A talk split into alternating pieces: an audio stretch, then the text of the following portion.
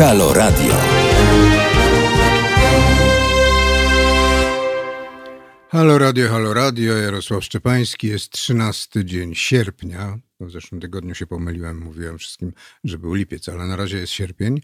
Jest godzina 13, o 13.13 przypomnę, że jest też 13. E, witam bardzo serdecznie naszych słuchaczy i witam Roberta Supła, który jest z nami połączony, mam nadzieję, Jestem. Dzień dobry. O, nawet cię słyszę, nawet bardzo. I teraz powiem, dlaczego będziemy rozmawiać. Robert Supeł jest dyrektorem Muzeum Józefa Piłsudskiego w Sulejówku. Sulejówek to jest taka niewielka podwarszawska miejscowość, a kiedyś był zresztą wsią w 18, jeszcze po odzyskaniu niepodległości w 1918 roku.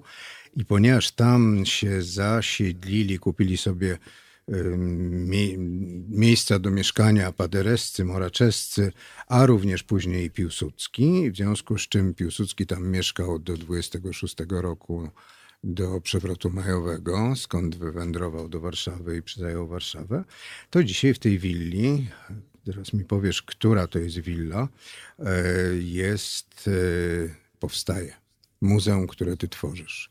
Pan dyrektor Robert Supelt. Czy to jest willa Milusin, czy willa Otradno? E, po kolei. Tak jest, tak jest. Ale może zacznę od tego, że e, sformułowanie, że ja tworzę to muzeum jest troszkę zbyt daleko idące. Całe mnóstwo ludzi przez bardzo wiele lat tworzyło to muzeum i zaraz postaram się pokrótce o tym opowiedzieć. Zacznijmy natomiast od historii.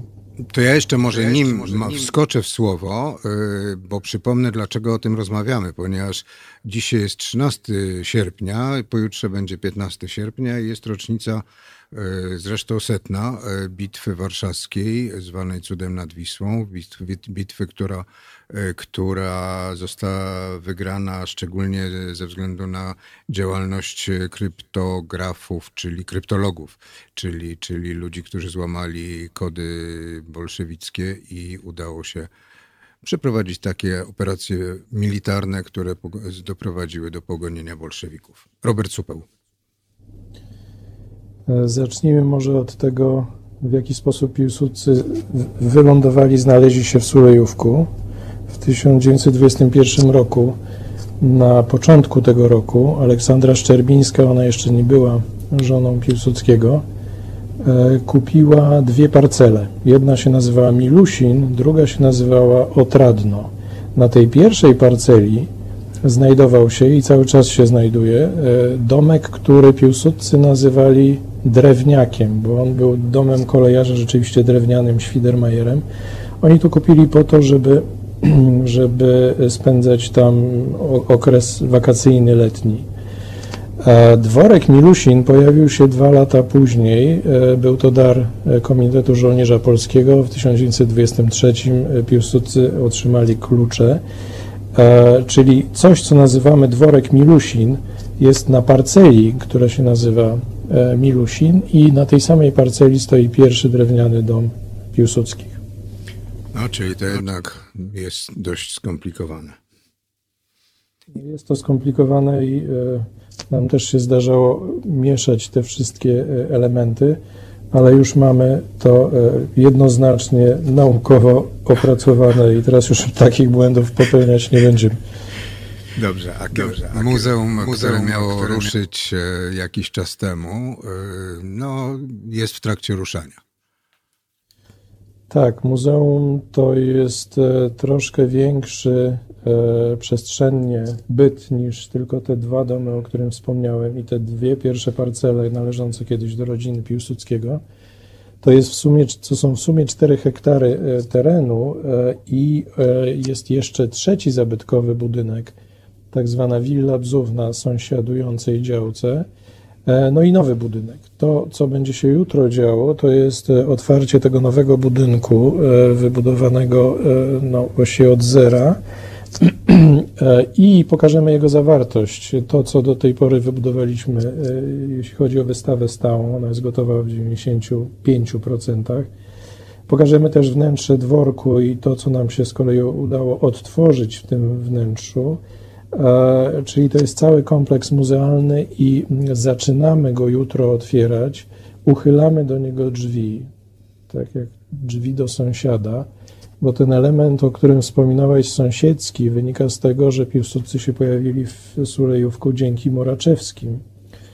Otóż Jędrzej i Zofia Moraczewscy poinformowali ich, że domek tego kolejarza, o którym wspomniałem, ten drewniak jest na sprzedaż.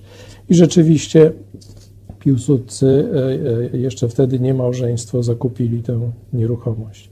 Wracając do muzeum, zaczynamy go otwierać jutro.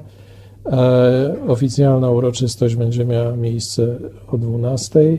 Będziemy to transmitowali online, ponieważ natura nam nie sprzyja i musieliśmy się jakoś w tym wszystkim pozbierać, tak żeby zachować wszystkie elementy bezpieczeństwa. W sobotę i w niedzielę też ze wszystkimi obostrzeniami będziemy mieli tak zwane dni otwarte, a później będziemy na bieżąco informowali o tym, co robimy, o tym procesie kończenia, testowania wystawy, uzupełniania jej o jakieś drobne, brakujące elementy. Natomiast taką codzienną, regularną działalność zaczniemy od 11 listopada. A, to też data związana z odzyskaniem niepodległości, wprawdzie dwa lata wcześniej. Jednoznacznie, tak. Dobrze.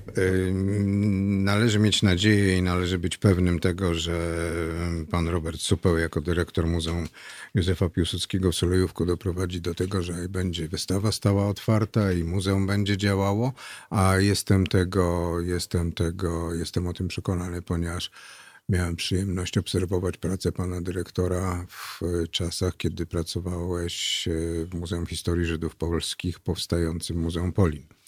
No i jak wiadomo, ono powstało i jest, więc dlatego obecne Muzeum Piłsudskiego jest w dobrych rękach. Co będzie na wystawie? Co będzie na wystawie tej stałej, tej głównej wystawie w Muzeum Piłsudskiego? Czego możemy się spodziewać? Bo na pewno jakichś zdjęć, na pewno jakichś akcesoriów, które zresztą na waszej stronie też się pojawiają. Może parę słów na temat tej wystawy i charakteru takiego ogólnego, ponieważ wspomniałeś o Muzeum Polin, to może dla zobrazowania dla tych, którzy mieli okazję oglądać wystawę w Polin, porównam to, co myśmy tu wybudowali właśnie z wystawą stałą Muzeum Historii Żydów Polskich. Nasza wystawa w Muzeum Piłsudskiego jest nieco inna. Mianowicie w konkursie na koncepcję tej wystawy wygrała firma Ralph Applebaum Associates wspólnie z dwoma biurami architektonicznymi, jednym biurem architektonicznym w polskim WXCA i z pracownią multimedialną Platiche, ale Ralph Applebaum Associates, oni zaproponowali wystawę w trochę innym, o trochę innym charakterze, trochę innym języku wystawowym niż to, co sami wymyślili wiele, wiele lat temu i czego między innymi pokłosiem jest taka bardzo teatralnie scenograficzna wystawa w Polin. U nas będzie znacznie prościej, prawie w ogóle tego typu scenografii i opowieść jednak tocząca się wokół bardzo wielu oryginalnych obiektów, muzealiów, z dużym udziałem multimediów, ale multimediów potraktowanych w sposób szczególny, to znaczy wielkopro, wielkoformatowe projekcje, a nie e, e, ekrany e, dotykowe. Takich ekranów na wystawie, która, której powierzchnia jest dwukrotnie mniejsza od wystawy w Polin, mamy, będziemy mieć tylko dwa. Także ponad 1100 obiektów oryginalnych i wokół nich opowieść, oczywiście ilustrowana też grafiką, tekstem odmuzealnym, tymi wszystkimi elementami, które w nowoczesnych muzeach, na nowoczesnych wystawach o charakterze narracyjnym spotkać można. Państwa gościem jest pan Robert Supeł, dyrektor Muzeum Józefa Piłsudskiego w Sulejówku. Przypomnę, że słuchacie Państwo Halo Radia. Halo Radio jest medium obywatelskim żyjącym tylko i wyłącznie z dobrowolnych wpłat naszych słuchaczy. Proponuję teraz chwilę przerwy i wrócimy do rozmowy po przerwie. Słuchajcie powtórki programu. Halo Radio. Halo radio, Jarosław Szczepański, witam serdecznie. Pierwszy radio jest wizją, zawsze się zastanawiam, czy ta wizja to na czym my ją mamy. Mieć tę wizję, czy wizja to jest to, że nas widać. Mm, Przypomnę, że jest 13 sierpnia, że jest godzina 13 i ona praktycznie już jest 13.13, co chciałem wszystkim zapodać, takim, którzy są na przykład, którzy się boją trzynastki. Państwa gościem jest Robert Supeł, dyrektor Muzeum Józefa Piłsudskiego. Mówiliśmy o wystawie, która będzie inna niż wystawa y, w Muzeum Polin. Porównuję dlatego, że pan dyrektor pracował również przy tworzeniu Muzeum Polin. Tak, wydaje mi się, że w poprzednim, w poprzedniej wypowiedzi na ten temat spróbowałem nakreślić tę e, różnicę, natomiast ty pytałeś przed e, krótką przerwą o to, co konkretnie na tej wystawie będzie można zobaczyć. Tak jest. Ja, ja nie chciałbym zdradzać e, zbyt wiele. No tak, bo później tego- nie będzie ciekawe, ciekawie oglądać, skoro już się będzie wiedziało, co się zobaczy. Żeby tego e, zaskoczenia nie odbierać, e, wspomnę może tylko e, o tym, że muzeum zostało utworzone w 2008 roku przez Fundację Rodziny Józefa Piłsudskiego i Ministerstwo Kultury i Dziedzictwa Narodowego. Fundacja została powołana znacznie wcześniej, w 1994 roku, po tym jak córki marszałka wraz ze swoimi bliskimi wróciły po upadku PRL-u do, Do Warszawy. kraju. E, I e, razem z tymi córkami e, e, oraz w, poprzez szereg, poprzez wianuszek bardzo wielu e, dobrych ludzi, e, e, coś, co było e, takim zbiorem najbliższych e, Piłsudskiemu i jego rodzinie pamiątek, wróciło do Polski. One były e, w, przechowywane w depozycie na Zamku Królewskim przez wiele lat. Była bodaj tylko jedna wystawa, e, gdzie dość pokaźny zbiór tych pamiątek był eksponowany jeszcze, jeszcze przed momentem, w którym muzeum zostało powołane do życia. E, I wydaje nam się, że jednym z najciekawszych elementów tej wystawy będą właśnie takie unikalne, bardzo bliskie e, Piłsudskiemu em, przedmioty, e, które stanowią tę kolekcję e, pamiątek rodzinnych oraz takich pamiątek, które z pożogi wojennej zostały e, uratowane przez ten wspomniany przeze mnie e, wianuszek dobrych e, ludzi. Oprócz tego oczywiście będziemy mieli e, na ekspozycji sporo e, obiektów muzealnych, które muzeum albo kupiło, albo otrzymało w darze. Halo Radio jest radiem obywatelskim i może e, to jest dobry kontekst do tego, żeby powiedzieć, że e, muzeum funkcjonuje od 12 lat jako instytucja kultury. W naszym zbiorze, w kolekcji muzeum jest 25 tysięcy obiektów muzealnych. E, Jedna trzecia to są darowizny od e, e, osób i instytucji, od osób prywatnych, które często w takim obywatelskim geście nawet najcenniejsze rodzinne pamiątki podarowało nam, żeby służyły one całemu społeczeństwu, a nie wyłącznie jednej rodzinie. E, Wobec tego na wystawie stałej będziemy mieli też e, kilka przykładów takich bardzo spektakularnych gestów, które, które, e, e, którzy, które zostały przez obywateli, ludzi, patriotów wykonane. To jest ciekawe. A jakie będzie, czy będzie na przykład muzyka, czy będzie... mm, Może trochę zdrać tajemnic, bo jestem ciekaw. Tak, będzie warstwa dźwiękowa, nie będzie to wystawa całkowicie e, milcząca. Wystawa jest przestrzennie... Mam nadzieję, że marszu tu po tu, pod, tu pod y, butów, tu pod nóg niekoniecznie.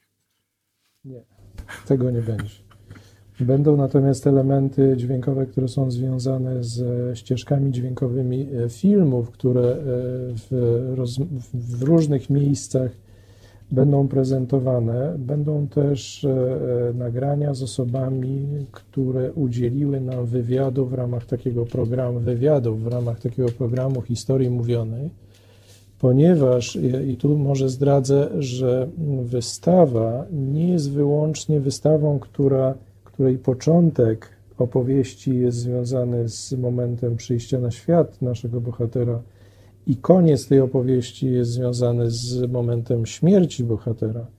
Otóż ta wystawa mm, troszkę więcej, y, mamy taką ambicję, y, chce zakomunikować odwiedzającym. Chce zakomunikować na przykład y, takie rzeczy, które są związane z pamięcią. Z pamięcią w szczególności o Piłsudskim i z pewną symboliką tego, co dla wielu osób jego postać, jego działalność symbolizuje. Mamy taką specjalną galerię na wystawie, która ma przestrzennie dość ciekawy układ, ponieważ ona się pojawia w trzech miejscach w narracji takiej ściśle chronologicznej. E, nazwaliśmy ją Symbol e, i e, traktuje ta galeria o pamięci społecznej z jednej strony zbiorowej, z drugiej strony bardzo indywidualnej, osobistej, z trzeciej strony wreszcie zinstytucjonalizowanej, to znaczy e, opowiadamy tam o tych wszystkich działaniach, które e, jeszcze za życia Piłsudskiego, a po jego śmierci w bardzo e, intensywny sposób były działaniami państwa, mającego taką ambicję, żeby upamiętnić wodza i autora niepodległości, a z drugiej strony mamy to wszystko, co się działo już w trakcie wojny i po wojnie w okresie PRL-u, gdzie z kolei ta pamięć e, była instytucjonalnie wymazywana. E, I tam są wypowiedzi różnych osób, na przykład osób, które zajmowały się drukowaniem podziemnych wydawnictw i w tych wydawnictwach, w nazewnictwie konkretnych wydawnictw odwoływały się wprost do tego okresu działań Piłsudskiego, kiedy on walczył piórem, kiedy był... Piórem, drukowaniem e, i kolportażem, bo on się tym bardzo, bardzo tak zajmował. Tak jest. W, tej okresie, w tym okresie e, PPS-owskim był redaktorem e, i drukarzem i kolporterem robotnika. W okresie PRL-u też mieliśmy robotnika, to jest bezpośrednie nawiązanie robotnika podziemnego, mam na myśli. Więc e, wychodzimy daleko w przód właściwie do czasów e, współczesnych. E, klamrą jest stulecie odzyskania niepodległości i stąd w tej sferze dźwiękowej mamy również wypowiedzi w miarę współczesne. Mamy też głos Piłsudskiego, bo takowy został utrwalony. Mamy wreszcie ścieżki dźwiękowe e, o charakterze muzycznym w niektórych e, e, fragmentach wystawy, której taki, w których taka ilustracja była potrzebna. A to, że w momencie, kiedy na, doszedł do przystanku Niepodległość, wysiadł, nie pamiętam jak to było dokładnie powiedziane, że wysiadł z, nie porzucił socjalizm po, na przystanku Niepodległość wysiadł z pociągu socjalizm, jakoś tak to było. W, w różnych wersjach się pojawia e, to powiedzenie. W jednej z najpopularniejszych to na przystanku Niepodległość Czerwonego Tramwaju. O, o, dziękuję. Jednak e, muszę sobie zapisywać, bo widocznie jednak wiek swoje robi. Mm, wrócimy do Państwa. Gościem jest Robert Supeł. Rozmawiamy o Y, Sulejówku, o Muzeum Piłsudskiego w Sulejówku, muzeum, które od jutra zaczyna być otwierane. Wrócimy za parę, za chwilę do naszej rozmowy. Y, Halo Radio, Halo Radio, słuchamy Halo Radio. Słuchajcie powtórki programu.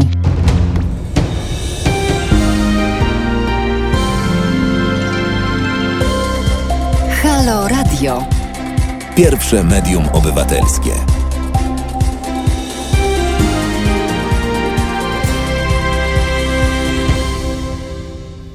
Halo Radio, Halo Radio, Jarosław Szczepański. Państwa gościem jest Robert Supeł, dyrektor Muzeum Józefa Piłsudskiego w Sulejówku. Tylko dodam, że tu jeden z naszych słuchaczy, pan Łukasz, dziękuję za rozmowę, to akurat do mnie. Mnie dziękuję za rozmowę na temat wystawy o Muranowie w Muzeum Polin, rozmowy z Jackiem Lociakiem i że zwiedził tę wystawę, w związku z czym jak teraz rozmawiamy z panem Robertem Supłem o wystawie w Muzeum Piłsudskiego, to mam nadzieję, że pan Łukasz e, zwiedzi to muzeum. Do Sulejówka nie jest daleko. Robert Supeł. E, dzień dobry ponownie. E, skończyliśmy przed przerwą w momencie o czerwonym tramwaju. O czerwonym tramwaju. Wysi wysiadania z czerwonego tramwaju. W tej legendzie jest najciekawsze to, że ona nie jest prawdziwa Ona się odwołuje do Ale tego, socjalistą był. I to nawet, e, powiedziałbym, mocno mm, terrorystycznym. No, przez e, bardzo długi okres rzeczywiście był bardzo e, e, intensywnie działającym e, socjalistą, członkiem i animatorem w zasadzie, a w którymś momencie jedną z czołowych postaci Polskiej Partii Socjalistycznej. W momencie, w którym sama e, walka piórem, o której rozmawialiśmy wcześniej, czyli redagowanie, kolportowanie e, nielegalnych wydawnictw, nie wydawało się e, zbyt efektywne, PPS zaczął odwoływać się, a w szczególności Piłsudski, do prób działań z bronią w ręku i on rzeczywiście wtedy technikę, metodę działania zmienił na broń. E, Były to działania o charakterze, które nas, nas po- potocznie są nazywane terrorystycznymi, przy czym tu należałoby chyba dosyć duże rozróżnienie Ale ja dość świadomie to, to użyłem tego określenia. No to ja świadomie muszę e, to skomentować, mianowicie terroryzm w obecnym pojęciu no to jest jednak takie działanie, które ma zastraszyć jak największą jak, na, jak, jak, społeczeństwo w jak największym stopniu. E, Tamten terroryzm to było wymierzanie sprawiedliwości e, w stosunku do bardzo konkretnych funkcjonariuszy reżimowych e, albo e, pozyskiwanie z bronią w, ręk, w ręku środków na działanie nielegalnych partii. Natomiast wróćmy do tego tramwaju, bo to też wymaga komentarza. Mianowicie rzeczywiście Piłsudski po całym okresie działalności PPS-owej, PPS-owskiej, później on jeszcze raz zmienił pogląd na to, e, jak dochodzić do niepodległości, bo jego socjalizm to był, e, to był socjalizm niepodległościowy. Nigdy nie było to e, e, Coś związanego. Tak. z myślą jak PRL. Tak, tak. To nie był ten internacjonalistyczny socjalizm, stąd też jego e, skłócenie i rozłam w, w samym PPS-ie.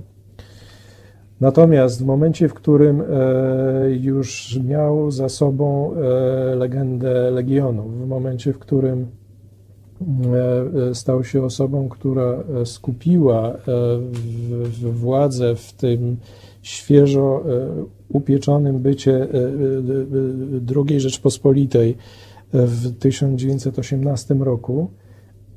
E, On rzeczywiście nie, nie był członkiem, zrezygnował z członkostwa w PPS-ie, ale jeśli prześledzić wszystkie dekrety, które on już w listopadzie, e, grudniu wydawał, a następnie te dekrety zostały przez Sejm Ustawodawczy w 1919 roku zatwierdzone, to w zasadzie oprócz jednego elementu związanego z reformą rolną, Piłsudski zrealizował już jako naczelnik państwa, a nie działacz e, PPS-u, program PPS-u z 1892 roku, tak zwany paryski program e, o sprawiedliwości społecznej, o rów- równouprawnieniu, równouprawnieniu kobiet, o e, republikańskim, demokratycznym charakterze państwa i całe, całe mnóstwo innych e, elementów. Także to jest mocno wątpliwe, e, a, a, a właściwie powiedziałbym nieprawdziwe, potoczne określenie, że zrezygnował z pewnych ideałów, e, który, za które walczył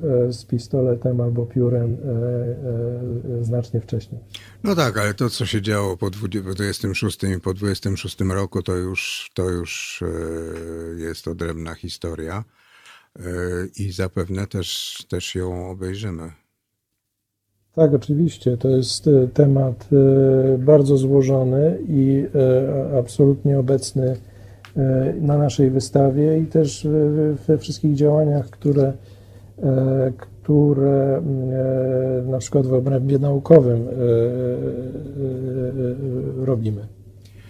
Ja sobie pozwolę tylko z- zwrócić uwagę na to, że jak pracowałem, kiedyś przygotowywałem pracę dotyczącą powstawania bezpartyjnego bloku współpracy z rządem, to było lata 26-28 i zajmowałem się mm, tym, co się działo w parlamencie, to ten, jak się czyta stenogramy parlamenta, z posiedzeń parlamentu z lat 26-28, to język był bardziej, du, dużo ostrzejszy niż język dzisiejszych e, posiedzeń parlamentarnych. Może jednak to, że są transmitowane y, bezpośrednio, może sumituje trochę posłów, a może po prostu nie czytali y, stenogramów z tamtych posiedzeń i po prostu nie wiedzą, jak nasi przodkowie rzeczywiście ostro mówili. Państwa gościem był pan Robert Supeł, dyrektor Muzeum Józefa Piłsudskiego w Sulejówku, muzeum, które jutro będzie, od, rozpocznie się otwieranie tego muzeum, a otwarte będzie od, po 11 listopada. 2020 roku. Bardzo dziękuję panu za rozmowę, dziękuję ci za rozmowę i dziękuję ci za poświęcony czas i mam nadzieję, że tak przed 11 listopada wrócimy jeszcze do rozmowy. Może nas zaszczycisz w studio swoją obecnością, jeśli będzie ci to nie w środku dnia w Sulejówku, ale zapraszam. Dziękuję bardzo za zaproszenie i dziękuję za dzisiejszą rozmowę. E, jestem gotowy. Dziękuję bardzo. Przypomnę, że słuchacie Państwo Halo Radio. Jarosław Szczepański. E, chciałem też zwrócić uwagę jednemu z naszych słuchaczy na to, który napisał, że Muzeum Polin nie powinno się nazywać Muzeum Żydów Polskich, tylko Polaków pochodzenia żydowskiego, bo to byli obywatele RP. To była jedna z bardzo długich dyskusji, może nie jedna, ale wiele dyskusji na temat tego, jak się to muzeum ma nazywać, e, czy czy Żydów polskich, czy Polaków żydowskiego pochodzenia. E, jest to muzeum, tu mówię o Muzeum Polin, e, muzeum współżycia dwóch e, narodowości na swoim, na jednym terenie, wielowiekowego, że tak powiem, współżycia. Stąd to, a jedna uwaga, nie wszyscy byli obywatelami Rzeczpospolitej, dlatego że nie wszyscy po prostu mieli dokumenty. E, I to jest, e, to jest bardzo ciekawy mm, problem badawczy, historyczny. E, Halo Radio, Halo Radio. Zaraz, bo tu teraz miałem powiedzieć, co ja mam powiedzieć, to znaczy zapowiedzieć Walk of Life, Dire Straits. To jest powtórka programu. Halo Radio. Gadamy i trochę gramy.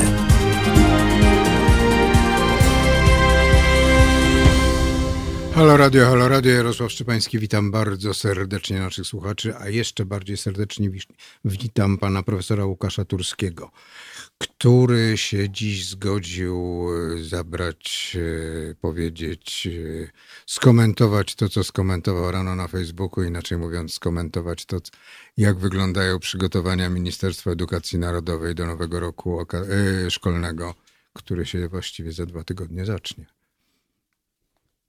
Jest pan. Dzień dobry Państwu, dzień dobry Panie redaktorze. Miło mi być gościem na antenie Państwa Radia.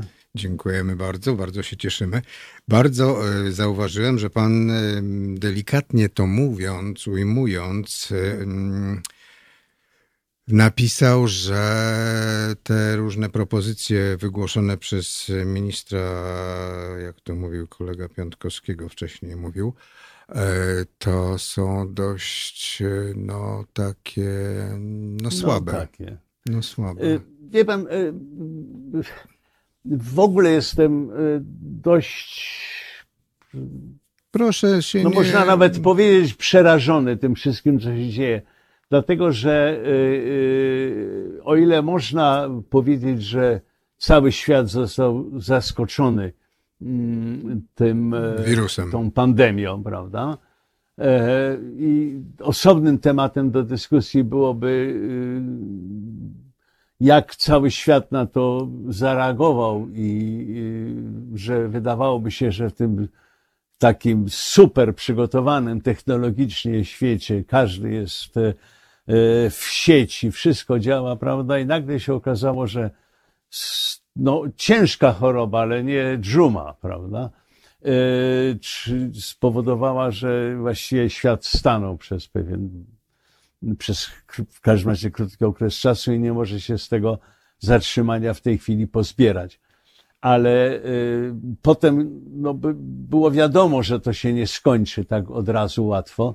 I w związku z tym ja jestem zaskoczony brakiem przygotowania się do uruchamiania roku szkolnego y, w, zresztą nie tylko y, w Polsce. Mamy już przykład do tego, jak trudno jest uruchomić róg szkolny po tym zatrzymaniu. działalności, przeniesieniu właśnie całej działalności edukacji do, Do czegoś, co się nazywa zdalną, Tak. tą, prawda? Y, No na przykład w Stanach Zjednoczonych, akurat tam jest tak, że w sierpniu kilkanaście, około 15% szkół amerykańskich w różnych stanach, na przykład w Georgii, rusza przed tym kabalistycznym świętem pracy amerykańskim, czyli Dniem Matki we wrześniu. I, I okazuje się, że to nie jest banalny problem, że problem COVID-u wśród jest istotnym, bo on jest również problemem nie tylko medycznym, ale i społecznym. W związku z tym na litość boską można było się przez, te, y, prze- przez ten cały czas, kiedy szkoła była zamknięta, przygotować do tego, co zrobić, żeby ją otworzyć. I uwaga, teraz przede wszystkim, co to znaczy otworzyć szkołę? I trzeba sobie zdawać sprawę, że COVID, może, można tak mówić, że COVID to takie głupie, że ta, Tak. ten, ten, ta, ta, ta pandemia zmieniła nasze spojrzenie na wiele fragmentów naszego życia społecznego i przede wszystkim na takie dwa filary naszego życia społecznego, przynajmniej ja tak to rozumiem, to znaczy e, kształcenie powszechne i opiekę zdrowotną. I okazało się, że w XXI wieku ten cudowny technologiczny świat jest nieprzygotowany do tego, żeby być w stanie bezpieczny sposób tym zarządzać. No i myśmy nic nie przygotowali.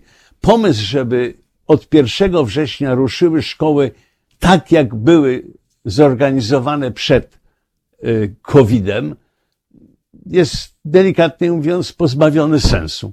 No ale Dlatego, przecież że- powiedziano, że dyrektorzy za to odpowiadają. No to No, oddano w ja do tego zaraz, ja do tego dojdę. No najlepiej powiedzieć, żeby dzieci odpowiadały. Najlepiej Tak zrzucić wszystko na dzieci, na rodziców, na, na e, Polscy i Polacy przez 8 lat. No Tak. wszystkośmy to słyszeli.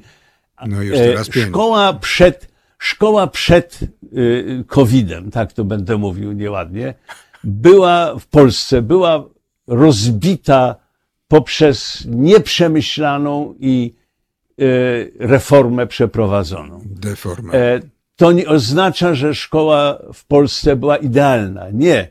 Szkoła w Polsce wymagała reformy, zresztą jak i na całym świecie, dlatego że polski system szkoły był wymyślony w, końcu XX wieku i nikt w końcu XX wieku nie przewidywał, tak jak teraz nikt nie przewidywał COVID-u, że w ciągu kilku lat cała cywilizacja ulegnie zmianie. I e, e, to, to się wydarzyło, więc szkołę trzeba było zmienić. Ale myśmy cofnęli szkołę w y, 2017 roku. Nie, znaczy cofnęliśmy ją praktycznie do początków XX wieku, a może nawet do XIX wieku, jeśli chodzi o założenia, jak szkoła ma działać. I teraz ta szkoła, y, prawie że XIX-wieczna, zderzyła się z czymś, czego no nigdyśmy nie przeżywali w, w, cy- w naszej cywilizacji, to znaczy zatrzymaniem i włączeniem. No i, i, i, i co? I mamy wrócić do z powrotem tej XIX-wiecznej szkoły. To się nie da. No to by nam e, groziło pomysł- pierwszą wojną za chwilę. No, no nie, ale to, nawet już nie pier... No, po prostu to się nie da, dlatego że przez te kilka miesięcy coś się w Polsce wydarzyło. I wydarzyło się coś, o czym jak gdyby ministerstwo nie, nie chce mówić, ale zakładam, że oczywiście jest świadome tego. Mianowicie, że polscy nauczyciele szkolni kolejny raz w historii stanęli na wysokości zadania i sprostali temu wyzwaniu, które na nie los rzucił.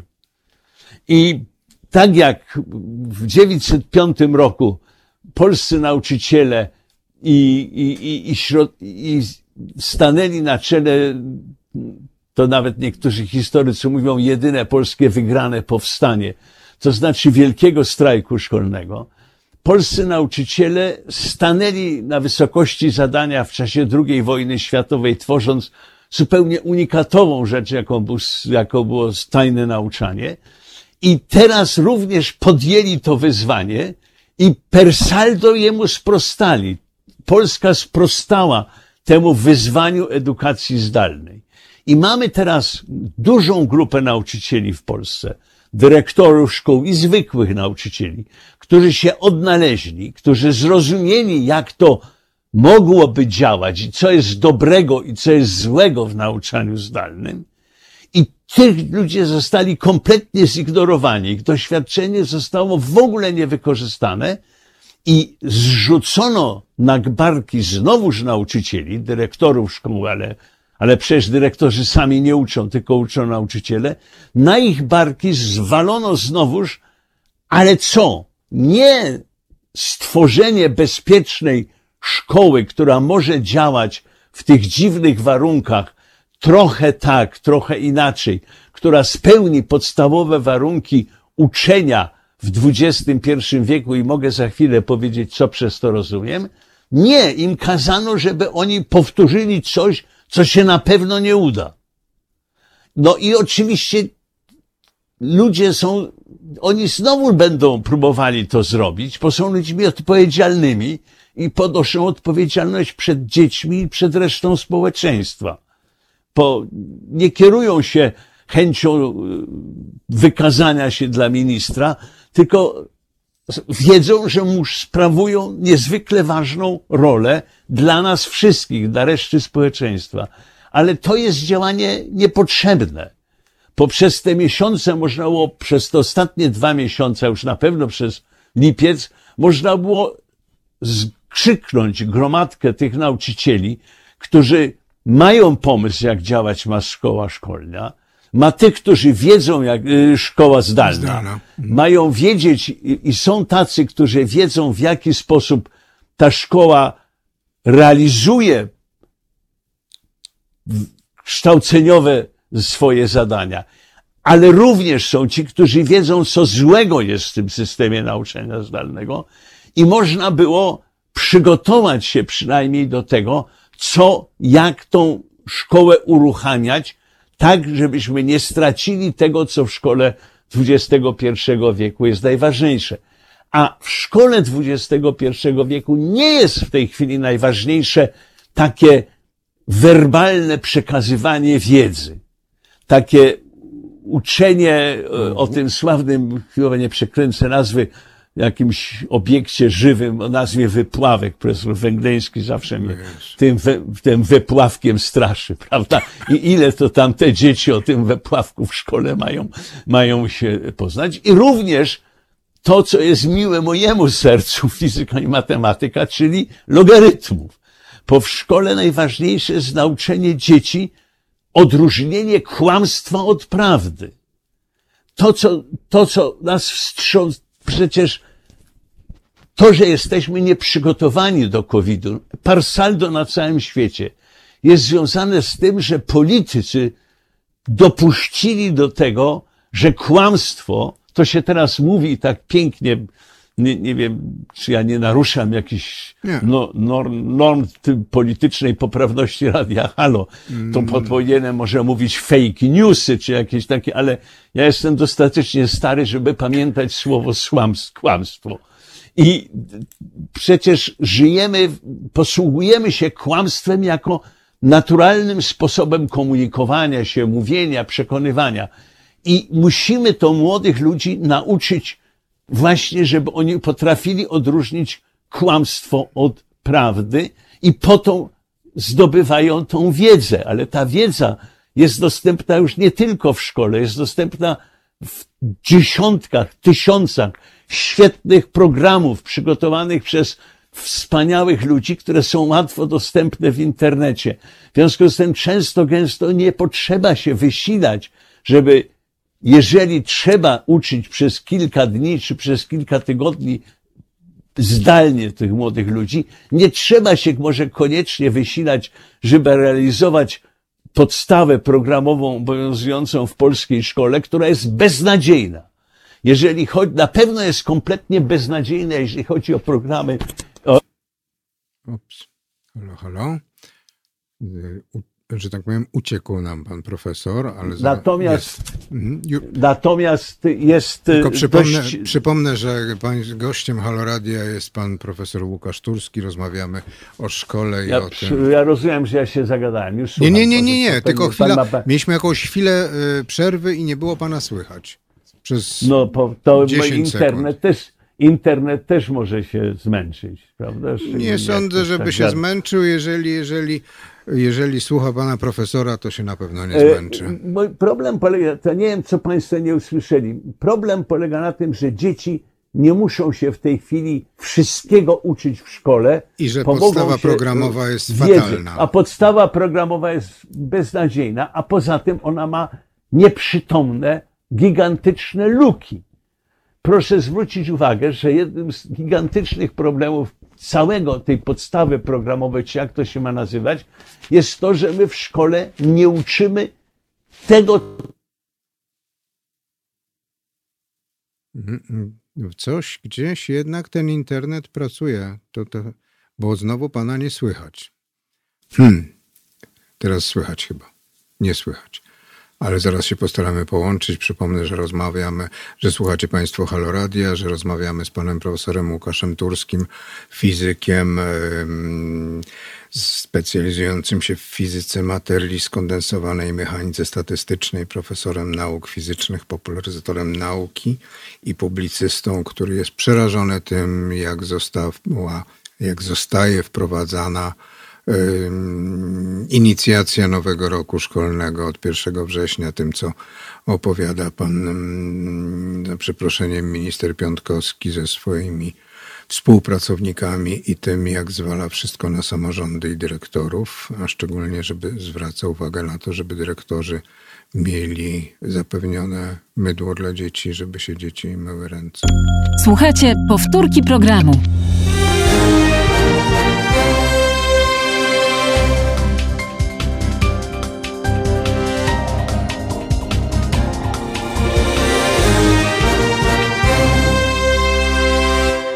Halo Radio, halo Radio, jest z nami pan profesor Łukasz Turski. Oj, to wygląda na to, że to już nie tylko moi koledzy, jak wchodzę do laboratoriów, to mi każą trzymać ręce w kieszeniach, bo się rzeczy psują na sam mój widok. To jeszcze w dodatku radio internetowe nie działa. No to już, wiesz, to już ze mną całkiem źle. Może to nie tak, bo jesteśmy w końcu tylko paręset kilometrów od Białorusi, a tam internet w ogóle nie działa. No tak, tak, tak. No, no nie działa, ale tam to rozumiem, że że tak powiem, fizy- mechanicznie go wyłączono. Także No właśnie, to, panie co profesorze. mi przypomnieć? Ja, ja chciałbym, Tak. no nie wiem, w którym miejscu zniknąłem z tak zwanego eteru. Mówi, mówił pan o, progra- o tym e, zda- e, O- o progr- podstawie. o podstawie programowej, tak. Ja mówiłem o podstawie. Podstawa programowa jest, jest, jest jak, no, archaiczna, wszyscy wiemy. Ale problem jest, że myśmy w szkole powinni zupełnie uczyć też innych rzeczy. Tego, jak działa Myślenia, konstytucja, jak działa- działa prawo, jak działa prawo. Mów, powiedziałem, że nasi maturzyści mieliby olbrzymi problem, gdyby im dać na maturze do napisania esej, w którym mieliby wyjaśnić, jak rozumieją prawo cywilne i prawo karne. E, e, My mamy olbrzymie takie pokłady nieruszanych tematów w ogóle i jak jest, ja bym poświęcił część takiego właśnie nauczania zdalnego, gdyby się nie pojawiła, nie na to, żeby uczyć dzieci tych logarytmów, albo tego wypławka, albo, albo żeby umieli wymienić biegle wszystkie aminokwasy i tak dalej, i tak dalej. Tylko ja bym ich chciał uczyć właśnie tego, co jest potrzebne, żeby w przyszłości społeczeństwo dało sobie radę z takimi zagrożeniami jak COVID. Bo te zagrożenia przyjdą. Ale panie profesorze, Może- to, to pan by chciał uczyć młodych ludzi myślenia. Absolutnie. To jest jedyna rzecz, która jest. To ja już wiem, potrzebna. dlaczego nam przerywało połączenie. To jest jedyna rzecz, która, to, to, to, ja będę mówił może głośniej, wtedy mnie pan będzie bez internetu słyszał. E, rzecz polega na tym, że my musimy sobie zdać sprawę, że te kiedyś nazywane miękkie kompetencje, prawda, one są niesamowicie ważne w tych sytuacjach kryzysowych. A one przyjdą i to nie ma znaczenia, czy następna kataklizm, taki jak COVID lub podobny, będzie za 50 czy 100 lat. On na pewno przyjdzie. Dlatego, że, jak mówiłem, nie jesteśmy dobrze przygotowani. My, my jesteśmy intruzami w przyrodzie. I intruzi są nieprzychylnie przyjmowani przez tych, na czyje terytorium wchodzą. W związku z tym przyroda reaguje na to, co my robimy, a my w dodatku przez ostatnie kilkadziesiąt lat zachowujemy się wyjątkowo nieprzyjemnie w tym otaczającym nas świecie. Robimy. Yy, Może go nie lubimy. Nie, my go lubimy, bo, bo każdy by chciał mieszkać w ogródku i chodzić nad czyste jezioro, popływać i, i, i nie widzieć czarnego dymu z palących się opon samochodowych i butelek po wodzie mineralnej czy czym tam y, od, od sąsiada, tylko że y, tylko, że nie jesteśmy przygotowani, nie uczymy się. Wszystkie pojęcia o tym, jak społeczeństwo ma działać w, tym, y, w tej nowej cywilizacji, one są, one, one ulegają dramatycznej zmianie.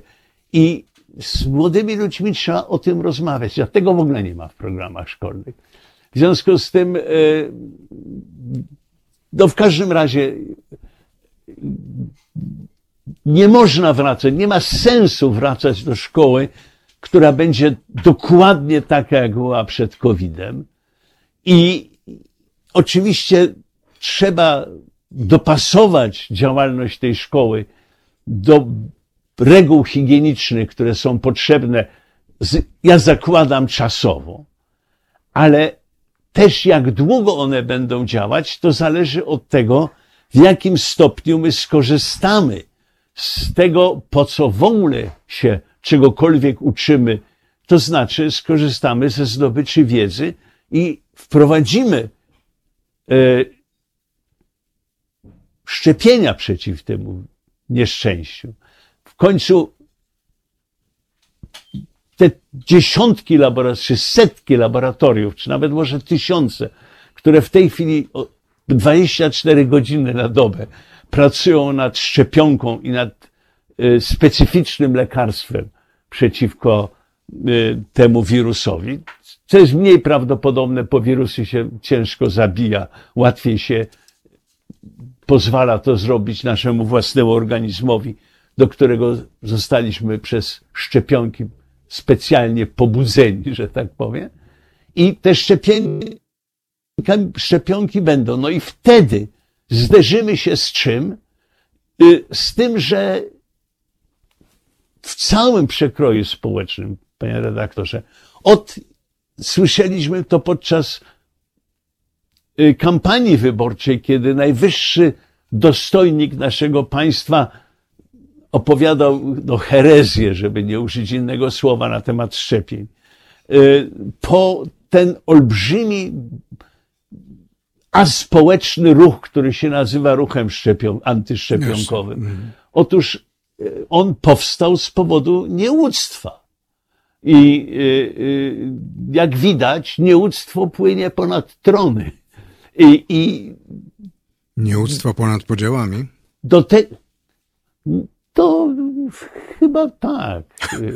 On, ono, ono jest tym jednym elementem scalającym to towarzystwo.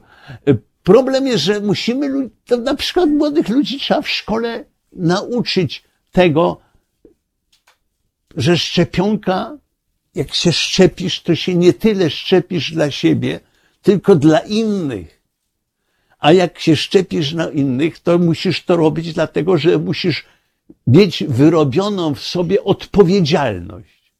Myśmy poświęcili ostatnie lata uczeniem ludzi ich praw. Każdy ma, uważa, ale nie uczyliśmy ludzi odpowiedzialności. Musimy nauczyć dzieci odpowiedzialności, w tym odpowiedzialności społecznej. Czyli I tego się nie nauczy. Za zdrowie, tak, za zdrowie swoje, nauczycieli, Na przykład za kolegów. zdrowie. Ale to nie tylko jest odpowiedzialność za zdrowie. To jest, że, że my jako element społeczny ponosimy odpowiedzialność za resztę. Dlatego nie ma, dlatego jak czasem się pienimy, jeżdżąc po ulicy i nie mogąc znaleźć miejsca dla zaparkowania samochodu, to nie oznacza, że możemy zaparkować w dowolnym miejscu, bo nam będzie wygodniej. Po po, po, parkując w dowolnym miejscu, działamy na niekorzyść innych ludzi. Proszę zwrócić uwagę na, no, dlaczego, no, trzeba też ludzi nauczyć, że się hulajnóg elektrycznych, którymi szaleją po ulicach ludzie, nie rzuca w dowolnym miejscu. W krzaki na przykład, Tylko, albo się, na środku to, chodnika. w tylko trzeba je zaparkować w odpowiednim miejscu, ponieważ to jest element naszej społecznej odpowiedzialności. W związku z tym, jak już mamy tą reformować szkołę, po nas została wstrząśnięta, to nie, i, i wiemy, że nie mamy powrotu, powiedzmy, do szkoły zorganizowanej e, tak, jak była przed e, tą nieszczęsną deformą, to musimy się przygotować, co w tej szkole trzeba naprawdę zmienić. I, i tego w ogóle nie zostało. To, na ten temat w ogóle pan minister się y, nie zająknął. Nie, nie powiedział, co z tej reformy, co z programów usunąć. Nie powiedział, y, y, no w ogóle wiele rzeczy zostało nieprzemyślane. Pan, ja mieszkam w Warszawie na Rakowcu. Pan niedaleko też mieszka, Tak prawda? jest. Tutaj na Rakowcu jest taki budynek, to jest jeszcze sprzed wojny II światowej, dom kultury miejscowy. Takich domów kultury, sal różnych jest w Polsce mnóstwo. Dlaczego one nie mogą zacząć działać jako w cudzysłowie klasy szkolne? Wspomaganie szkół. Dlaczego nie można rozrzedzić, dlaczego nie można rozrzedzić szkół, rujnując ten pomysł, że musi być ileś tam godzin dziennie, żeby wykonać tę nieszczęsną podstawę programową? Dlaczego dzieciaki nie mogą pójść do dwa dni w tygodniu zamiast iść do szkoły, pójść do, pójść do innych pomieszczeń, w których się będą spotykać. Oczywiście się powie, nie ma tylu nauczycieli, ale na litość boską mamy sytuację ciężką. Zamknięte są w większości teatry. Zamknięte są młodzi ludzie, aktorzy, którzy jeszcze nie zrobili wielkich karier. Oni się znajdują w ciężkiej sytuacji. Czy nie lepiej zamiast różnych sztuczek finansowych, żeby y, im pomóc, zatrudnić ich, bo każdy dobry, młody absolwent szkoły teatralnej, człowiek interesujący się teatrem, jest w stanie dzieci nauczyć literatury. Jest w stanie im pokazać, jak trzeba czytać pana Tadeusza. Że ten pan Tadeusz przeczytany tak, la, la, ba, prawda, jest zupełnie czym innym, jak go się czyta ze zrozumieniem. Dlaczego nie można ich wziąć do szkoły? Dlaczego nie można wykorzystać sal bibliotecznych, wielu innych rzeczy, żeby rozrzedzić to towarzystwo? Jeżeli wiemy, że ten, ten, ten, ten jak to się po polsku mówi, social distancing, tak? Ma, jest istotną rolą w walce z tym. Tego wszystkiego nie ma w tym programie. No i to mnie tak troszeczkę zdenerwowało. Troszeczkę zdenerwowało. Pan jest e, człowiekiem, który by te, ten program, podstawę programową mocno zmienił, mocno skrócił, mocno Całkowicie, ale ja mam czyste, su- sumienie. całkowicie, czyste sumienie, czyste sumienie, bo jak się zaczęło przygotowanie do reformy, to Ministerstwo Edukacji pod kierunkiem poprzedniej pani minister ogłosiło swoje pomysły, jak ta podstawa ma wyglądać i wezwał ludzi do, do dyskusji. Tam było chyba tydzień na tą dyskusję. Ja usiadłem i e, napisałem. e, To w końcu nie jest Pamiętam. e, aż taka straszna rzecz. I napisałem krytyczną recenzję obu podstaw dla szkoły podstawowej i, i dla szkoły licealnej z fizyki z kawałków matematyki. Wysłałem do ministerstwa, był tam adres na publikację. Nikt się do mnie nigdy nie odezwał.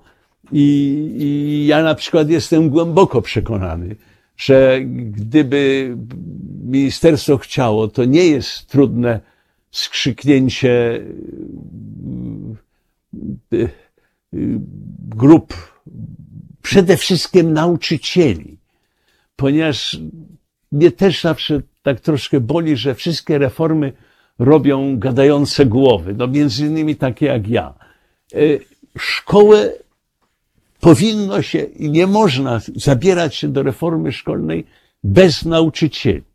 Oni są podstawą tego wszystkiego, prawda? I będę bronił tego, mamy świetnych nauczycieli w Polsce. Mamy naprawdę doskonałą kadrę nauczycielską. Ja bym się z polskimi nauczycielami nie bał iść tyłem na Marsa. Panie profesorze. I, i, i, i zrobić taką, krzyknąć taką kilka grup ludzi, którzy by napisali swoje pomysły i potem tylko porównać, co między nimi jest to. To znowuż nie jest, Amerykanie mówią, te problemy nie mają 3 metrów 30 centymetrów wzrostu. To się daje zrobić. To się daje zrobić i, i są ludzie, którzy się by za to zabrali i zrobią.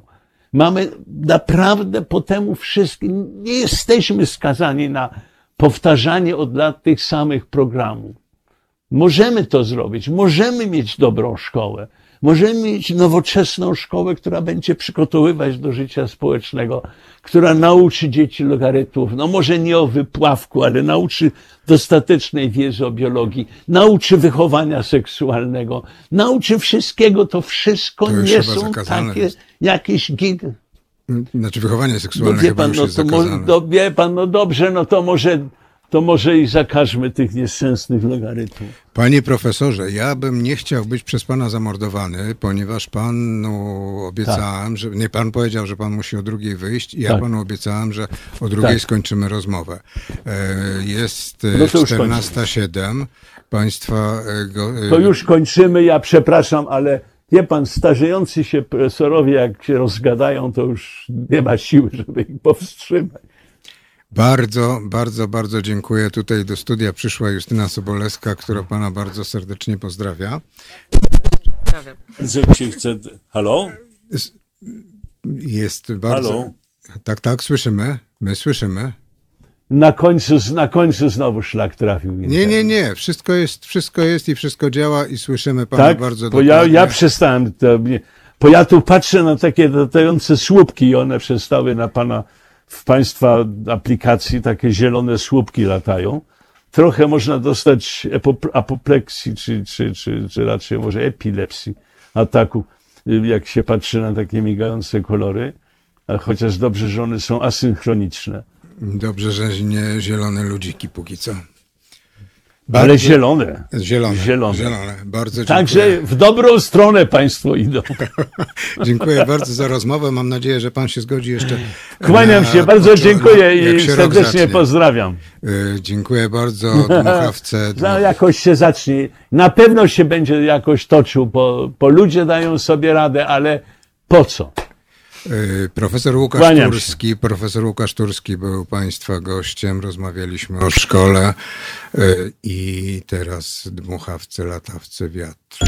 Słuchajcie powtórki programu.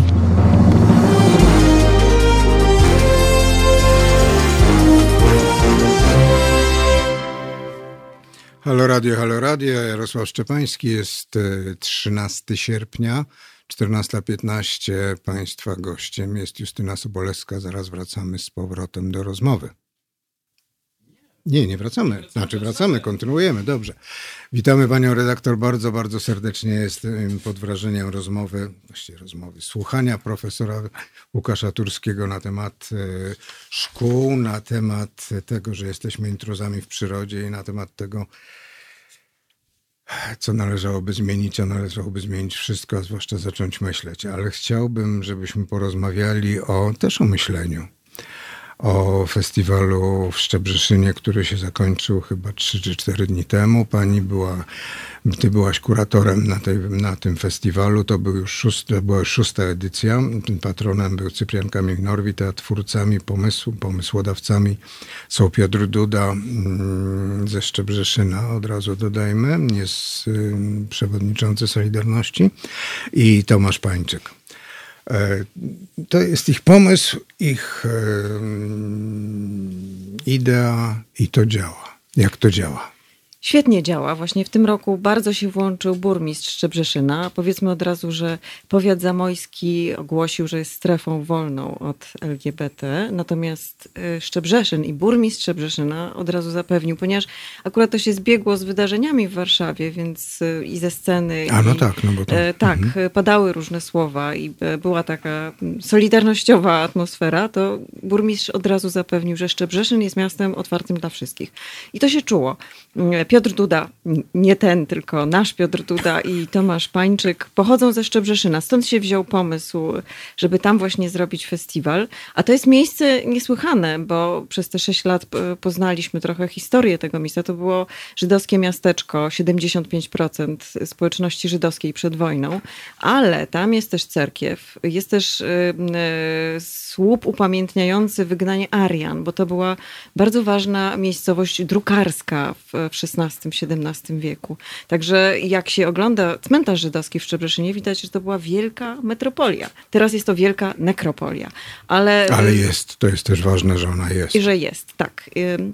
Nie- Można, można zobaczyć tę bogatą przeszłość tego miejsca, właśnie, gdzie się e, krzyżowały różne szlaki, gdzie współistniały różne społeczności. My to kultywujemy. Też pamiętamy o przeszłości Szczebrzeszyna.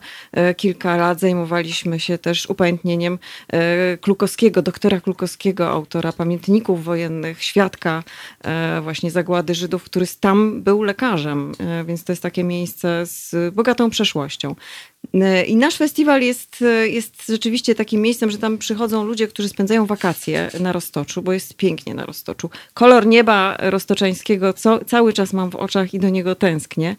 E, Więc mnóstwo ludzi spędza tam wakacje z całej Polski. Zwykle też było tak, że naszymi gośćmi byli też gości, ludzie z zagranicy. W zeszłym roku byli goście z Nowego Jorku, z Berlina, z Zurichu. E, W tym roku było inaczej, oczywiście sytuacja pandemiczna, e, ponieważ to jest festiwal letni należący do koalicji letnich festiwali, to udało nam się właśnie zorganizować festiwal mimo sytuacji pandemicznej, bo to wszystko się działo na dworzu, nad rzeką Wieprz, na łące.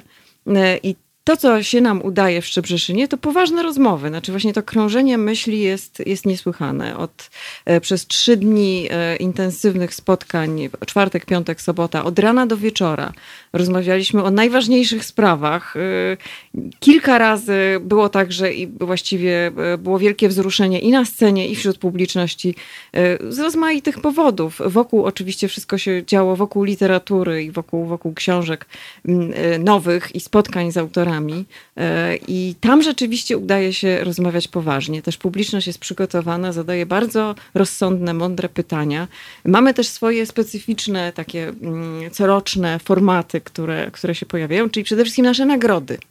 Jesteśmy bardzo dumni z nagrody dla wielkiego redaktora, bo jako pierwsi uhonorowaliśmy no, postać niewidoczną w literaturze, czyli e, widać, e, widać, kiedy go nie ma. E, Więc redaktor jest, jest tą postacią nie- niezbędną, e, ale też właśnie no, niespecjalnie cenioną dzisiaj.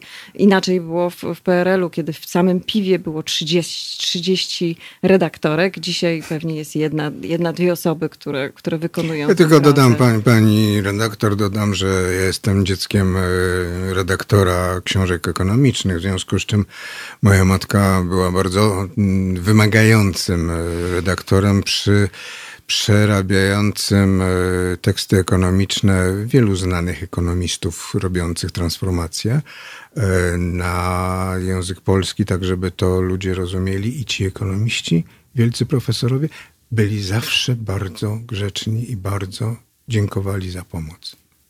No to jest postawa e, bardzo godna szacunku. Nie zawsze pisarze zgadzają się z redaktorami, tylko kiedyś było tak, że za redaktorem stało wydawnictwo. A dzisiaj jest tak, że, że jego pozycja jest słabsza, ale mam nadzieję, że to też się zmienia. Tak jak zmienia się sytuacja tłumaczy na przykład, których, którzy są ważni d- i domagają się y, dobrych stawek i jakby ich też nazwisko jest, jest ważne w książkach tłumaczonych. Tak samo redaktorzy, mam nadzieję, że ich pozycja będzie, no, no wzrośnie, że ich, bo, bo, są, bo są niezbędni. Także w tym roku tę nagrodę otrzymał też postać właśnie. po prostu legendarna. Janusz, profesor Janusz Degler, który jest nie tylko redaktorem, ale edytorem, on bardzo podkreśla to, edytorem dzieł wszystkich Witkacego, ale też teatrologiem, znawcą teatru wybitnym. E, Opowiadał o swoich przygodach redaktorskich z Grotowskim, który mu kazał wszystko to przerabiać w ciągu jednej nocy i mm, e, e, zabawna była historia, że wypuścił książkę, która miała anons w środku do użytku wewnętrznego. Wszyscy się zastanawiali, o co chodzi. To było w czasach cenzury, a to chodziło o to, że on się nie zgadzał z jakimś jednym słowem, które nie dało się już zmienić. Także y, Janusz Degler, y, no bardzo się cieszymy, że, że otrzymał tę nagrodę, bo, no bo to jest taka postać, która we wszystkich e, w tych dziedzinach jest, jest wybitna i myślę, że będziemy z nim jeszcze rozmawiać, ponieważ planujemy, że naszym patronem w przyszłości będzie Witkacy i wtedy Janusz Degler będzie naszym przewodnikiem po, po dziele i po życiu Witkacego. Rzeczywiście jego opowieści e, podczas przyznawania nagrody były mrożące krew w żyłach i też poruszające, bo on zna życie Witkacego w każdym najmniejszym szczególe. Nie może oczywiście opłakać zgubionych tekstów, dramatów, które być może zresztą się znajdą. Przypomnę, że słuchacie Państwo Halo Radia. Państwa gościem jest Justyna Sobolewska, kurator Festiwalu Języka Polskiego w Szczebrzeszynie, a w Szczebrzeszynie poza tym jeszcze jest pomnik chrząszcza. I cały czas się zastanawiałem nad tym, czy y, gdyby na pomniku chrząszcza zawieszono y, flagę y, tęczową, to też policja by ściągała i uważałaby, że chrząszczowi nie wypada być we fladze tęczowej. No ciekawe. E, Wrócimy za sekundę do rozmowy. Chciał... Nie wrócimy. Wrócimy od razu do rozmowy. Dobrze, bardzo dobrze. Oprócz chrząszcza powinien się pojawić pomnik chomika europejskiego. Naszym przyjacielem festiwalu jest Adam Wajrak, który e, co roku przyjeżdża i tropi chomika europejskiego. To jest bardzo rzadkie zwierzę. To nie jest ten chomik, Nieduże, którego nieduże. wszyscy znamy, ale chomik europejski żyje na roztoczu, jest coraz rzadszy. I Adam Wajrak zasadza się na niego w środku nocy, przychodzi o 5 rano y, w te swoje miejsca, gdzie pojawia się chomik europejski. Już kolejny raz udało mu się znaleźć go, także myślę, że, że chomik, że stolica, y, że Szczebrzeszyn jest też stolicą, stał się stolicą chomika europejskiego. Ten właśnie człowiek jako intrus, który pojawił się w poprzedniej rozmowie z profesorem Turskim, też pojawiał się w rozmowach e, w Szczebrzeszynie, bo oprócz Adama Wajraka e, były te, była też właśnie rozmowa Lista gości to jest w ogóle nam imponująca. Tak, e, o Polecam na przyszłości. Stronie sto, festiwalu. Tak, e, z Edwinem Bendykiem i z Adamem Wajrakiem, którzy się zastanawiali właśnie nad tym, e, nad e, słynnym antropocenem i przyszłością. E, I to, to jest też ładne, że w jednym bardzo się ładnie różnili. Zachęcam do obejrzenia tej rozmowy. Na naszej stronie są transmisje ze wszystkich spotkań, a to było bardzo, bardzo ciekawe i też właśnie poprzez to różnienie się i, i taką kłótnię było, było dynamiczne, ale zgodzili się w jednym, że jakimś, jakąś nadzieją są na pewno małe wspólnoty, na przykład takie, jak, jakie się udaje stworzyć na takim festiwalu, gdzie, gdzie istnieje porozumienie między publicznością, która czeka na jakieś słowa i myśli poruszające i, i występującymi pisarzami, twórcami. E, I to się na pewno udaje. Znaczy ten, ten ruch myśli wolnej i swobodnej jest bardzo potrzebny dzisiaj. Coraz bardziej jest nam potrzebny. E, I to się na pewno w Szczebrzeszynie, w Szczebrzeszynie udaje. Ciekaw jestem, kto by tam się okazało, kto, kto tam by wygrał wybory prezydenckie. W, nie w Szczebrzeszynie na prezydenta To Szczebrzeszyna, znaczy- tylko na prezydenta państwa. Tak podejrzewam też, że Tak, y, znaczy cały powiat jest, jest taki, jaki jest. Natomiast wydaje mi się, że Szczebrzeszyn jest wyspą. Y, I dzięki zapewnieniu y, pana burmistrza właśnie czujemy się tam bezpiecznie i czujemy się otwarci. E, Mamy też zapewnienie, że w przyszłym roku festiwal się odbędzie właśnie w takiej formule absolutnie otwartej i swobodnej myśli. Także y, bardzo dobrze, że, że tam jesteśmy. Ja jeszcze powiem tylko może kilka nazwisk wymienię, żeby było wiadomo, kto tam No może je też rozwi- roz, e, omówmy. Tak, na przykład Mikołaj Grynberg z nową książką Poufne, Zygmunt Miłoszewski ze swoją nową książką sensacyjną, Mikołaj Łoziński, ale też Izolda Kiec y, Z Ginczanką. z Ginczanką y, pojawiła się u nas. y, Prowadziłem spotkanie z Izoldą Okiec na temat Ginczanki. Właśnie wiem, wiem, dlatego właśnie wspominam o I Izoldzie tu rozmowę Kiec. zresztą. Tak. Izolda była naszym gościem. Tak. mm, Był też, to było bardzo emocjonujące spotkanie z profesorem Ryszardem Koziołkiem, czyli rektorem Uniwersytetu Śląskiego, e, literaturoznawcą, autorem fascynujących interpretacji Sienkiewicza, Reymonta, Prusa. Też rozmawialiśmy o lekturach na dzisiejszy czas. Właściwie do czego nam ten Sienkiewicz i Prus mogą się przydać? Tak, mogą się przydać. Nie należy ich wyrzucać z listy lektur. O tym też była, była rozmowa. No ale ta nieszczęsna rozalka na trzy pacierze wsadzona do pieca. Akurat o tym myślę, że o to byśmy się nie bili, żeby to zostało. Natomiast jeśli chodzi właśnie o Sienkiewicza, to e, tak jak mówił to profesor Koziołek, no pewne rzeczy można zrozumieć dzięki lekturze klasyki, tej wybitnej klasyki, że pewne korzenie nasz- myślenia i dzisiejszych podziałów tkwią już e, w tamtym, w tamtym czasie. E, Także był też Jakub Żulczyk, była też Elżbieta A przy. Sienkiewiczu to jeszcze warto pamiętać o tym, że septentrionowie, których on używa, to są po prostu Rosjanie, o których nie pisze. Mosk- Moskwiecini Mhm. Tak. właściwie. E, Także Sienkiewicz, ale jeszcze rozmawialiśmy o tym na przykład, że e, ten Sienkiewicz ciągle jeszcze jakoś działa. To nie jest tak, że to jest kompletna ramota. Na przykład mój syn zaczytuje się w trylogii, chociaż e, pustyni, w pustyni w puszczy nie mógł czytać z powodu cierpienia zwierząt. Odrzucił No absolutnie tak. tę książkę. Także e, różne rzeczy u Sienkiewicza oczywiście są, ale sama narracja i taki też rodzaj jakiegoś pocieszenia, które, e, którego się potrzebuje być może właśnie w różnym, w, na różnych stadiach rozwoju i w takim nastoletnim wieku, że to ciągle tam jest i to ciągle jeszcze mm, działa. Nie, ta trylogia się no, daje czytać i to się zupełnie, może nie wszystkie kawałki, nie wszystkie opowieści, bo w niektórych się coś po, powydłużało. A może pan profesor e, wyjaśniał, dlaczego Prus, znaczy dlaczego głowa Aleksander Głowacki przy, przybrał pseudonim Prus? E, To, to akurat- nie jest pytanie podchwytliwe, Tak. tylko to jest pytanie, które niedawno e, próbowaliśmy rozstrzygnąć w domu przy kolacji. Być może chodziło o rodzinę na przykład i jakieś tak, bardzo wiele jest takich y, przykładów wyjścia ze swojej, jakby, ze swojego kręgu przez y, właśnie pseudonimy. Akurat o tym nie rozmawialiśmy, o Prusie było. Y, Zresztą rozdział w jego książce jest o tym, że cała lalka wynikła z pewnego spoliczkowania. Czy Prus został spoliczkowany i ział y, wolą zemsty że, że gdzieś właśnie y, w tej lalce jest takie poczucie upokorzenia, które towarzyszyło mu do śmierci. Więc bardzo ciekawy właśnie fakt biograficzny, który wpłynął na całą konstrukcję. Oczywiście Przyznam też. się, że nie znałem. No właśnie to są rzeczy, których się nie wie, bo tego nie ma w książce. To jest, to jest fakt y, y, dookoła. Natomiast, że sama mm, postać Wokulskiego też, gdyby go dalej pociągnąć, to można, to by wyrósł z tego potwór. To by wyrósł z tego właśnie członek ONR-u na przykład, że są, on ma takie zadatki. Takim, tak, to się zgadza. Także bardzo, bardzo ciekawa była ta rozmowa. Też polecam ją, jest na stronie i, i rzeczywiście, e, no profesor Koziołek mówi tak, że, że właściwie godzina, półtorej to jest absolutnie za mało, żeby, żeby go słuchać i wielka radość, że jest e, rektorem, no, że właśnie może stosować swoją, bo on jakby ma taką teorię, że literatura służy do dialogu, może służyć. Że w momencie, kiedy jesteśmy tak podzieleni, to czasem dzięki literaturze możemy się y, porozumieć. I on podawał przykłady, że, że właśnie na jakieś oficjalne listy czy pytania, bo musi jako rektor y, uczestniczyć właśnie w tych, tych y, różnych debatach i rozmowach i y, stronach, być pośrednikiem, że czasem używa rozmaitych cytatów y, po to, żeby, no, że właśnie, żeby się można było spotkać.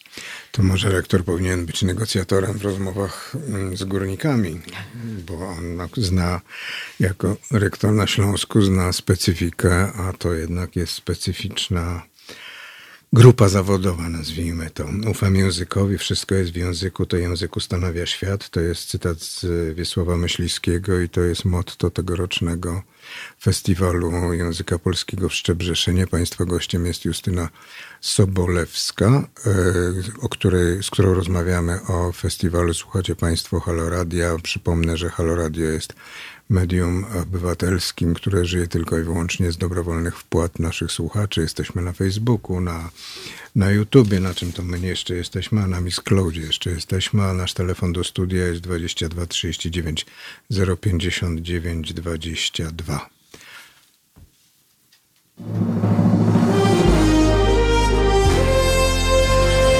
sobotę Od 21 do 23 Wojtek Krzyżaniak i Marek Grabie, czyli takich trzech, jakich dwóch, to nie ma ani jednego. Sobotnia szczera słowiańska szydera, ale w wersji 200%. Bądźcie z nimi, bo pewnie znów was obrażą. 21, 23. www.halo.radio. Słuchaj na żywo, a potem z podcastów.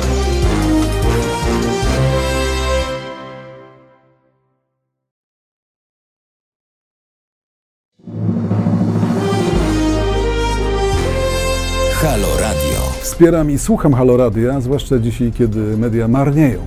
Bogusław Rabota, Rzeczpospolita. www.halo.radio ukośnik SOS.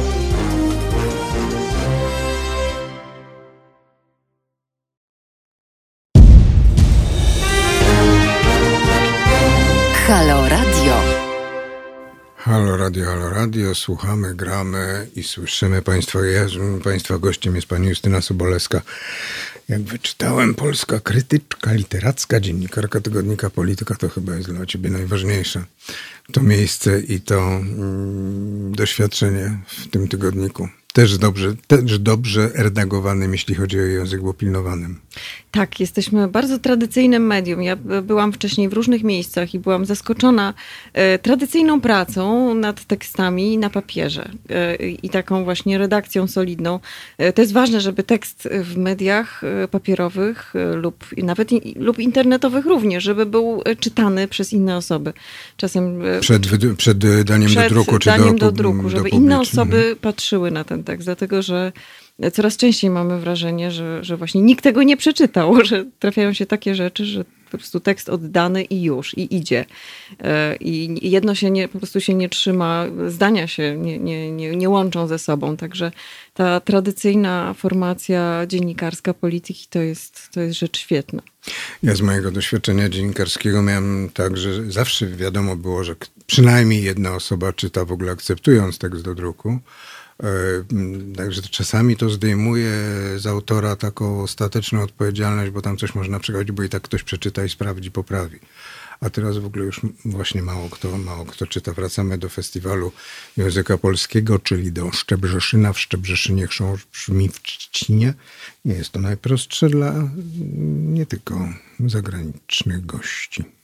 Y, Antonia Lloyd-Jones, tłumaczka, znakomita tłumaczka polskiej literatury i taka promotorka polskiej literatury na rynku anglosaskim, była naszą gościnią kilka razy. W tym roku no właśnie nie dotarła z powodów pandemicznych, ale ona sobie fantastycznie radziła z tym chrząszczem i z, na przykład z lokomotywą e, właśnie, czy w swoim tłumaczeniu, którą, którą czytała. Także mm, to, to jest takie też osobne pasmo, które mam nadzieję wznowimy, czyli, czyli właśnie pasmo tłumaczy i rozmowy o przekładzie, bo to jest bardzo ważna część literatury.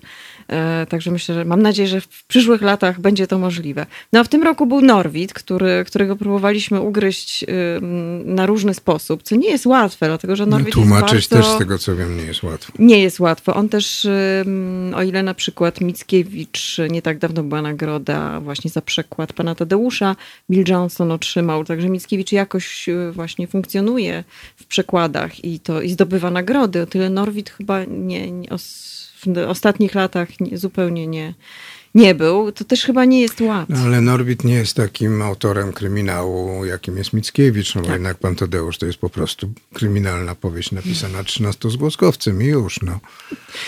Y, Sprawdziło się. Po angielsku rzeczywiście to wybrzmiało. Y, Więc Norwid brzmiał w rozmaity sposób. Tutaj były rozmowy i z, i z naukowcami, ale też na przykład był mecz poetycki.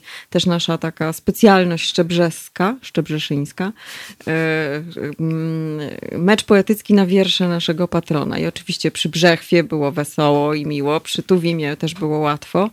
Y, No, to jakby polecieć kwiatami polskimi. były to, kwiaty polskie też, były nawet y, wiersze napisane w stylu Tuwima, bo są tacy autorzy, polecam stronę Nowe wiersze słynnych, pisa- słynnych poetów. Tak, jest taka strona na Facebooku, gdzie pewien autor współczesny pisze na nowo wiersze klasyczne w stylu autorów. Są czasem nie do rozróżnienia, a czasami to jest bardzo, bardzo zabawne. Także w tym roku ten Norwid, co było właśnie trochę trudne, no bo trudno się tak bawić tym, tym, tym jednak miejscami i patosem, trudną ironią, na przykład jak oddać e, w wykonaniu e, aktorskim, ale przez pisarza te myślniki słynne e, Norwida. Jednemu uczestnikowi meczu się udało właśnie te myślniki jakoś oddać. Poza tym okazało się, że choreografia też jest istotna przy wykonywaniu utworów Norwida, ale najbardziej Norwid wybrzmiał w wykonaniu Mai Komorowskiej, która też jest e, wielką przyjaciółką naszego festiwalu, jest co roku. I, I rzeczywiście tutaj ona z Jerzym Trelą e, czytali wiersze Norwida w takim spektaklu. I to no, muszę powiedzieć, że fortepian Chopina e, wywoływał ciarki w wykonaniu Mai Komorowskiej, która też potem mówiła, że któryś raz już czytała ten wiersz. Swoją drogą fortepian Chopina, czytany w zeszłym tygodniu pewnie to było. W tym momencie, kiedy Tak. w miejscu, w którym fortepian Chopina wypadał z okna, działy się różne dziwne rzeczy. Tak, e, poza tym na przykład wiersz do obywatela Johna Brown. To jest wiersz po prostu na dzisiejsze czasy, absolutnie. Także e, okazywało się, że właśnie, że wokół Norwida można rozmawiać. Ciekawe, czy ten wiersz jest w podstawie programowej?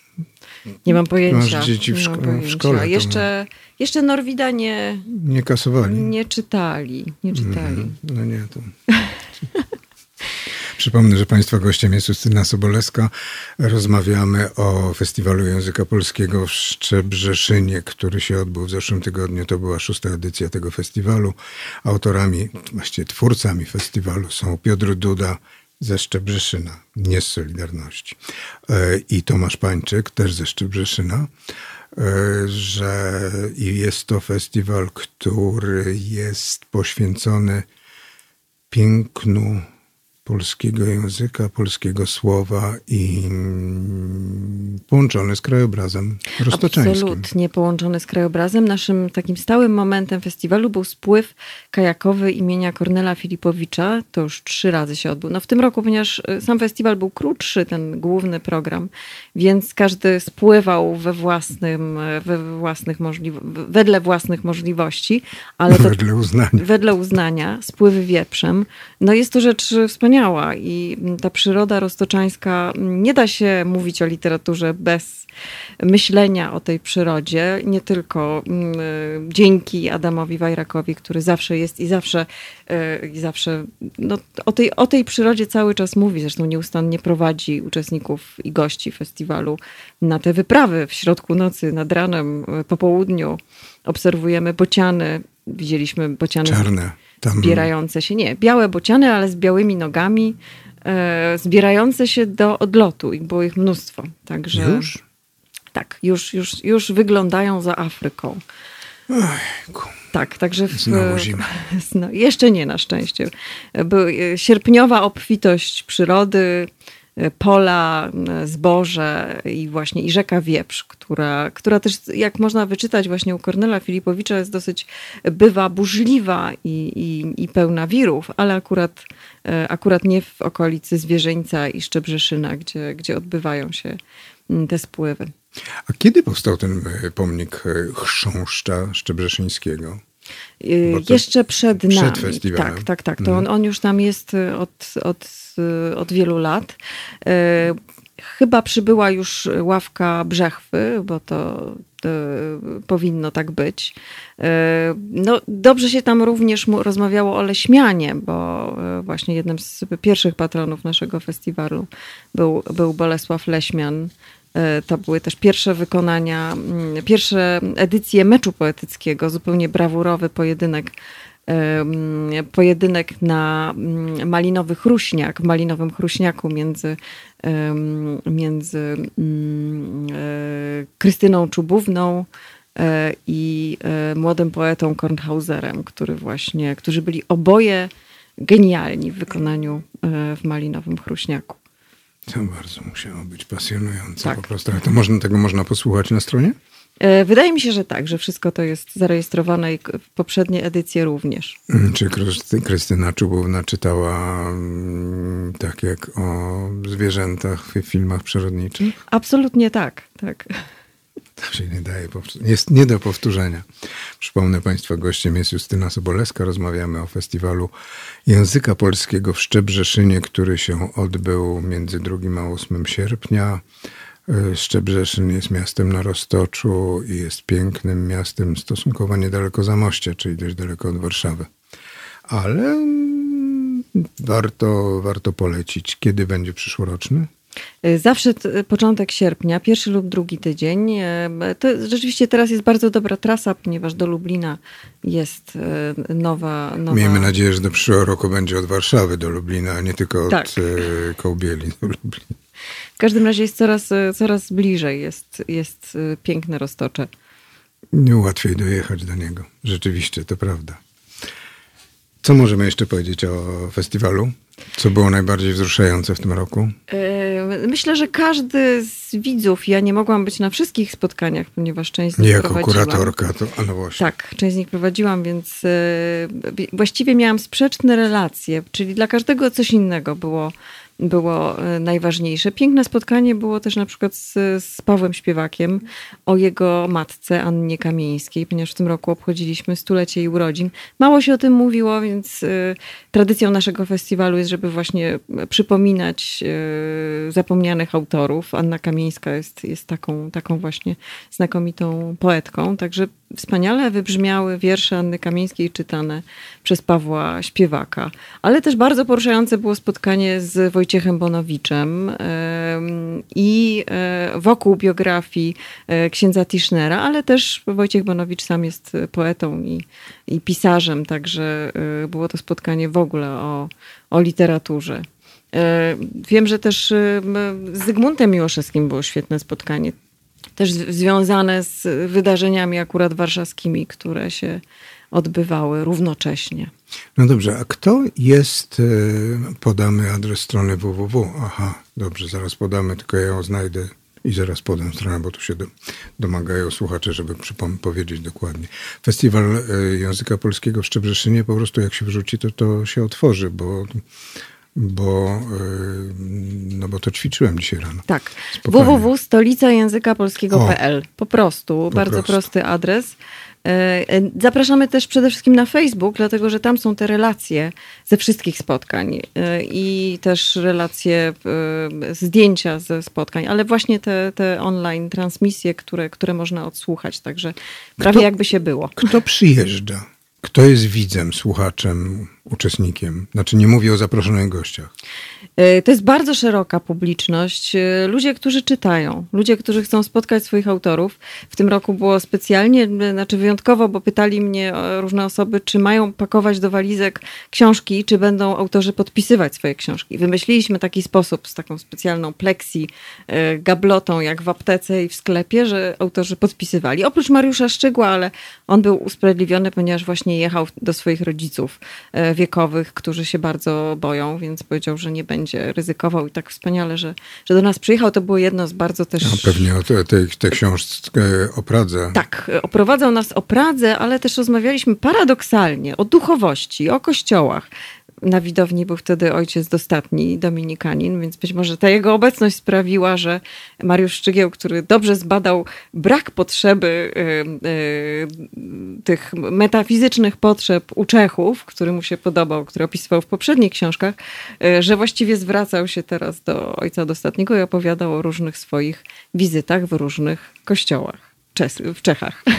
Fascynujące. Może, może mi się uda w przyszłym roku skorzystać z zaproszenia Tomasza Pańczyka i przyjechać. Bardzo I zapraszamy. Państwa gościem była Justyna Sobolewska, dziennikarka polityki, kuratorka Festiwalu Języka Polskiego w Szczebrzeszynie e, i na pewno wielbicie e, szef naszego radia, czyli Kuba Wątły, który mi zawsze każe mówić gościni, że była, ale sama użyłaś tego słowa gościni. Tak, ja wydaje mi się, że pewne słowa wchodzą do użytku i jakby nie musimy się już. Ja już dziwię się, jak ktoś mówi do mnie krytyk, bo krytyczka jest bardzo dobrym słowem. A gościnie myślę, że już za rok wszyscy będą tak mówić. Kubo, Kubo, słyszysz? Jarosław Szczepański, dziękuję bardzo, żegnamy.